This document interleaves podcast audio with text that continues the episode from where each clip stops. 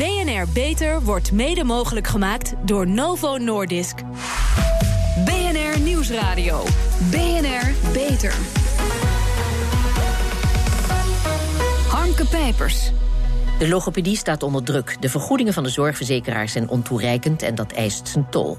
Steeds meer praktijken sluiten hun deuren. En voor scholen en consultatiebureaus is de zorg van de logopedist in vele gevallen geen prioriteit. En daarom laten ze die zorg maar schieten. Dat heeft grote gevolgen voor de zorg voor taal en communicatie. Welkom bij BNR Beter, het programma voor mensen die werken aan gezondheid. Met mijn gasten vandaag Michel Dutré, voorzitter van de beroepsvereniging voor logopedisten. En Karin Nijnhuis, lector zorg voor communicatie aan de Hogeschool van Rotterdam. Ja, meneer Dutré, bijna iedereen is wel bekend met uh, wat dan heette de spraakjuf. Die helpt als kinderen stotteren of slissen. Maar het werk van de logopedist is breder dan dat, hè? Ja, het is veel breder. Uh, logopedisten zijn eigenlijk sleutelfiguren bij mensen met slikklachten. Bij mensen na een hersenberoerte die bijvoorbeeld afasie hebben. Of Parkinson uh, mensen die hebben ook ontzettend veel baat bij een goede logopedie. Ja, er zijn 8000 logopedisten, 1800 zelfstandige logopediepraktijken. Maar de trend is dat steeds meer logopedisten in instellingen gaan werken. Omdat ze daarmee van een aantal, um, laten we zeggen, sfeerverpestende problemen verlost zijn. Vertel.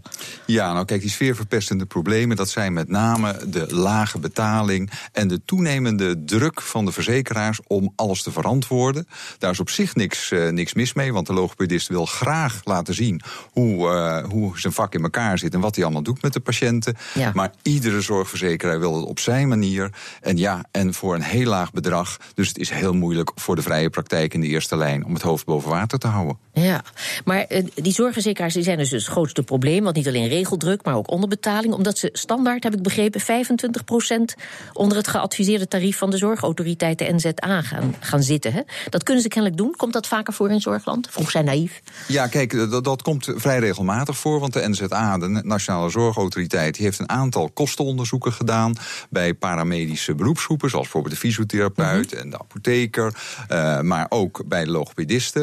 En dat is in 2011 gedaan. En uh, sindsdien zijn ze alleen maar uh, onder dat bedrag aan het contracteren. En ja, dat bedrag dat is gewoon niet meer toereikend. Alles wordt duurder, de eisen worden hoger en de verdiencapaciteit van de, van de logopedist wordt alleen maar lager. Ja, dus, maar ik hoor 25 procent, hè? Is dat, ja, ja dat 25 eh, procent onder dat bedrag? Ja, dat zien we op meerdere plaatsen in de zorg. Want ja, per 1-1-2017 hebben wij ook te maken met vrije tarieven. Ja. En dan denken de zorgverzekeraars van nou, dan kunnen we nog wel een, uh, nog een tandje naar beneden. Want ja. er is toch voldoende concurrentie. Ja, want ik lees dat dat tarief in 2012 is bepaald. Dat is inmiddels vijf jaar geleden. Ja, dat, dat klopt. En dat is dus nooit aangepast? Nee, alleen maar neerwaarts, hè, naar beneden toe. En is er ooit een goed gesprek geweest met de zorgverzekeraars? Ja, wij gaan als NVLF, de beroepsvereniging voor de logopedisten, gaan we regelmatig langs bij de, bij de verzekeraars. En daar vinden we een gewillig oor. Maar ze zeggen ook tegen ons van ja, iedereen tekent nog. Dus voor ons is er eigenlijk geen probleem. Uh, zodra als mensen niet meer tekenen, ja, dan zou er een probleem kunnen zijn. En in sommige regio's, ja, daar gaan inderdaad praktijken failliet. Maar zolang wij nog aan onze zorgplicht kunnen voldoen, is er niks aan de hand. Ja, treurig. Onze verslaggever Thomas Schuurnam, Schuurman nam polshoogte bij een logopediepraktijk in Leiden, waar praktijkhoudster Annemarie Sikking kinderen met een taalachterstand helpt. Kom binnen. Nou, goed zo. Ga maar lekker zitten. Lekker op je stoel. Zitten. Annemarie Sikking, we hebben net uh, een jongetje gezien met, met Down. Je was aan het bellenblazen. Waarom deed hij dat? Ik was aan het bellenblazen om in ieder geval de interactie met het kind te stimuleren. Het is een jongetje met het uh, syndroom van Down. En uh, ik wil graag dat hij me aankijkt. En door middel van bellenblazen heb ik contact, want dat vindt hij superleuk. Ja. Dus het gaat in alle in het begin gewoon op, om het feit dat hij het heel erg naar zijn zin heeft.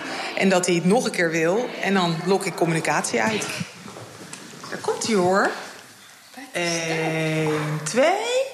Kijk eens. Hey. Oh, weg. Uh, we zijn in een achterstandswijk van, van Leiden-Noord. Van alles en nog wat moet je met die kinderen doen? Uh, geef ze een voorbeeld. Wat zie je hier veel? We zien hier heel veel kinderen met een taalontwikkelingsstoornis. En dat houdt in dat ze zich onvoldoende kunnen uh, uiten. Ze kunnen zich niet verstaanbaar maken. Ze hebben daar heel veel problemen mee. En wij proberen ze te helpen om te leren communiceren. Op, in welke vorm dan ook. Dus het kan met gebaren zijn, maar dat kan ook in korte zinnetjes zijn. Uh, iets aanwijzen, iets doen. Wij helpen ze met praten en communiceren. Ja. Lucas, Annemarie, nou is er in jouw wereld, de logopediewereld, heel veel te doen om de vergoeding die jullie hiervoor krijgen. Hè? En dat loopt heel erg spaak met die zorgverzekeraar. Leg eens uit.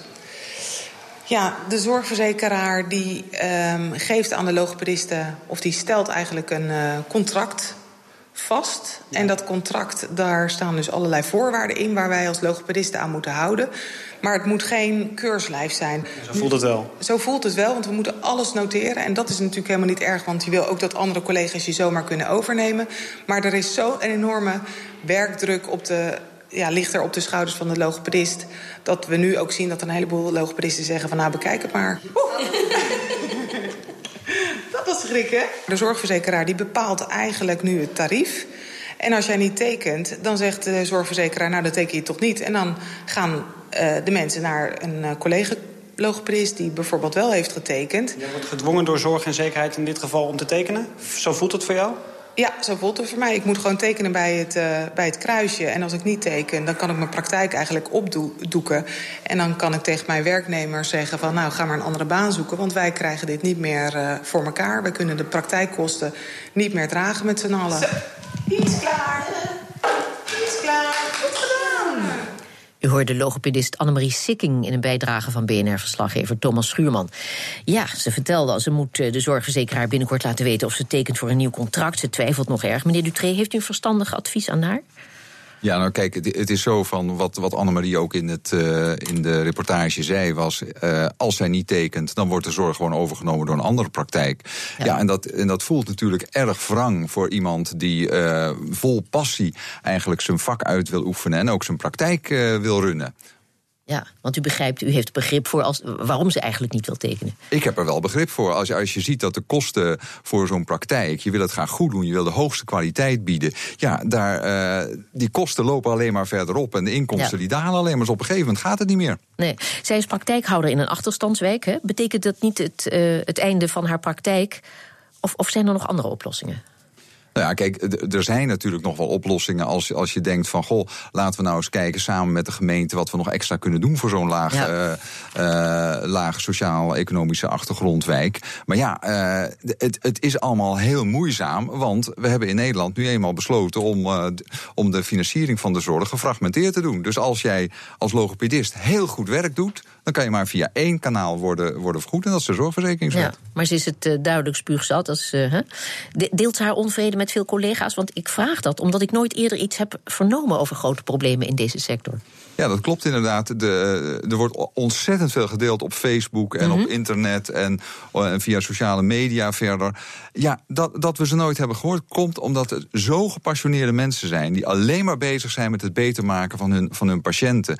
Die, die echt uh, soms uh, bij nacht en ontij nog uit hun bed komen om te zorgen dat iemand die niet kan slikken toch nog, uh, toch nog voeding kan krijgen. Ja. ja, kijk, en met zoveel passie hebben ze zoiets van ja, we doen het altijd wel. We proberen het altijd wel weer op te lossen. Maar helaas, nu is het uh, echt, ja. echt te ver. Maar is dat niet wat uh, naïef ook van deze logopedistes? Het zijn meestal vrouwen, hè? Oh. Uh, ja, uh, kijk, vroeger was het zo... als je passie voor je vak had, was dat, was dat iets eerbaars. En nu lijkt het zo, zo te zijn alsof het alleen maar naïef is. En dat is toch heel jammer. Ja, mevrouw Nijenhuis, u bent van huis uit logopedist... maar u bent nu lector aan de Hogeschool in Rotterdam... maar ook gepromoveerd. Vertel.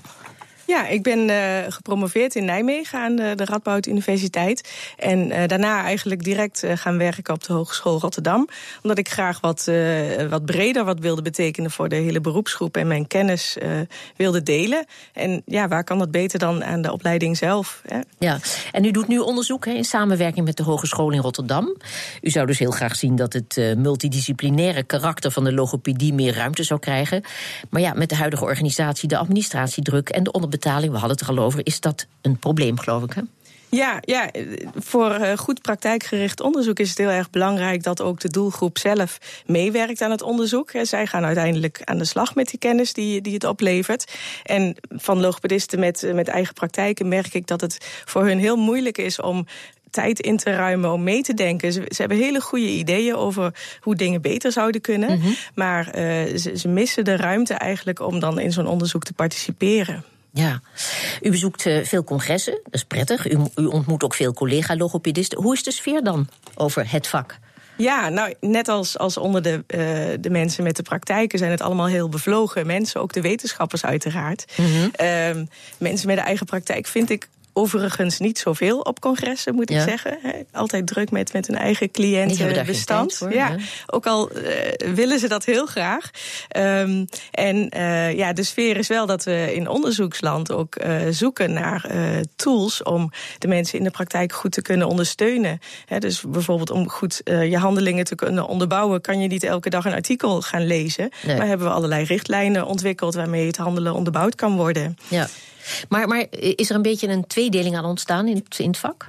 Een tweedeling tussen wat? De, eh, de, logopedisten, de mensen die dus bij een instelling werken... en de mensen met die eigen praktijk die zich niet kunnen veroorloven... of geen tijd kunnen vrijmaken om naar het congres te komen, bijvoorbeeld? Ja, we horen wel eens jaloezie vanuit de mensen met een eigen eh, praktijk. Hè, die dan uh, zeggen: Goh, als je in een instelling werkt, kan je makkelijker tijd vrijmaken voor professionalisering en mm -hmm. bezoek van congressen.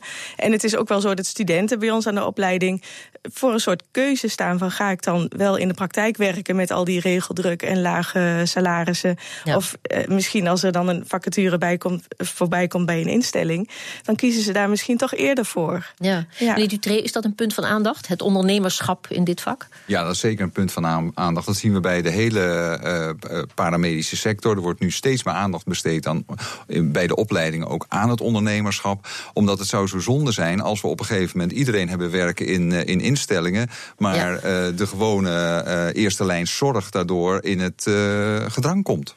Ja, en daar zijn mensen, de meest kwetsbare mensen, de meest kwetsbare kinderen, dreigen daar dan het slachtoffer van te Ja, want, want, want, dat is een van onze grootste problemen altijd. Wij zijn er voor juist uh, de mensen die kwetsbaar zijn, de jeugd tussen 0 en 6 jaar. Dan moet het gediagnosticeerd worden, want daarna heeft het vaak minder zin. De opbrengst voor de maatschappij van de preventieve en curatieve zorg van de logopedist is groot, maar erkenning en beloning blijven sterk achter. Hoe moet dit vak voor de toekomst bewaard worden? Daar hoort u meer over na de reclame. BNR Nieuwsradio. BNR Beter. Het vak van de logopedist brokkelt af omdat de logopedisten al jaren zwaar worden onderbetaald. De eenpitters sterven uit, de consultatiebureaus en de scholen schuiven de zorg voor de logopedie aan de kant. Sommige praktijken en logopedisten gaan daarom commercieel werken. Maar de mensen uit de achterstandswijken met een lage sociaal-economische status, zoals dat heet, worden daar de dupe van. In een land met een grote diversiteit aan nationaliteiten is dat op zijn zachtst gezegd onwenselijk. Daarover onder andere praat ik verder met mijn gasten. Michel Dutré, voorzitter van de beroepsvereniging voor logopedisten. En Karen Nijnhuis, lector zorg voor communicatie aan de Hogeschool van Rotterdam. Ja, meneer Dutré, het is duidelijk dat het logopedistenvak onder steeds zwaardere druk staat. We hopen het niet. Maar wat betekent het voor de samenleving als dat vak vanwege de bezuinigingen uitsterft? Dat betekent nogal wat. Uh, allereerst, mensen met slikklachten zullen langer aan de zondevoeding moeten blijven, wat een ontzettend kostenverhogend effect heeft. Mensen die na een herseninfarct of na een beroerte niet meer kunnen spreken, afasie hebben, die zullen niet kunnen communiceren en niet duidelijk kunnen maken wat ze willen. Mensen met Parkinson zullen ook in hun uh, dagelijkse uh, bezigheden qua taal ook zwaar op achterstand komen. En niet in de laatste plaats kinderen tussen 0 en 6 jaar die niet meer gediagnosticeerd worden met taalontwikkelingsstoornissen en die uh, ten onrechte uh, in het circuit komen, zoals het dan heet. Oftewel uh, naar scholen voor zwakbegaafden gaan. En dat is echt zonde. Ja, en dat is wat nu dreigt te gebeuren, want het is uh, een, een, behoorlijk onderschat probleem, hè? Het is een zeer onderschat probleem. Want ook uh, de, de mensen die nu in de opleiding zitten, die gaan, gaan zo denken: ja, wat, wat kunnen we eigenlijk nog? Moeten we nou niet uh, nog wat anders gaan doen? En we merken ook dat, dat er veel mensen in de relatief eenvoudigere dingen gaan zitten, zoals verpleeghuizen, waar je gewoon van 9 tot 5 kan werken met ja. een goede CAO. Maar de eerste lijn, die is erg belangrijk voor de diagnose van die uh, jonge kinderen. Ja. En als die uitsterft, hebben we echt een heel groot probleem. Ja. Mevrouw Nijhuis, uh, kent u als onderzoeker voorbeelden van kinderen die uh, niet de zorg hebben kunnen krijgen die ze nodig hadden? Nou, ik kan wel uh, wat noemen over hoe het in Rotterdam gaat. Hè. Ja. In Rotterdam hebben we te maken met een eigenlijk twee keer zo hoge mate van lage geletterdheid ten opzichte van de rest van Nederland. En um, ja, als ouders van kinderen uh, laag geletterd zijn, dan uh, kan je je voorstellen dat zo'n kind opgroeit in een wat minder rijk taalmilieu. En daardoor risico loopt op meer taalachterstand. En daarom werken wij vanuit het lectoraat Zorg voor Communicatie ook aan een interventie voor pedagogische medewerkers. Mm -hmm. Waarbij de kinderen een rijke taalstimulering krijgen. En uiteraard horen, horen ouders daar ook bij. en door middel van, van die uh, interventies kunnen we uh, in ieder geval ook het, de omgeving van het kind begeleiden daarin. En dat is ook iets wat de zorgverzekeraar niet direct vergoedt. Waar logopedisten ook last van hebben. Want je, je, ouders komen mee naar de behandeling, maar de dagelijkse leerkracht of de pedagogisch medewerker niet. En die kan het wel het verschil maken, want die ziet het kind de, de hele dag. En uh, op dit moment werken we daaraan in op financiering van de gemeente Rotterdam, tijdelijk. Hè, met het idee van, nou, als het langer, uh, als het stand houdt, als het een, een goed onderbouwde interventie blijkt, dat logopedisten dan ingekocht kunnen worden. Maar de vraag is wel wie dat geld daarvoor heeft. Ja. En merkt u de laatste jaren ook dat er, dat er uh, uitstroom is van logopedisten?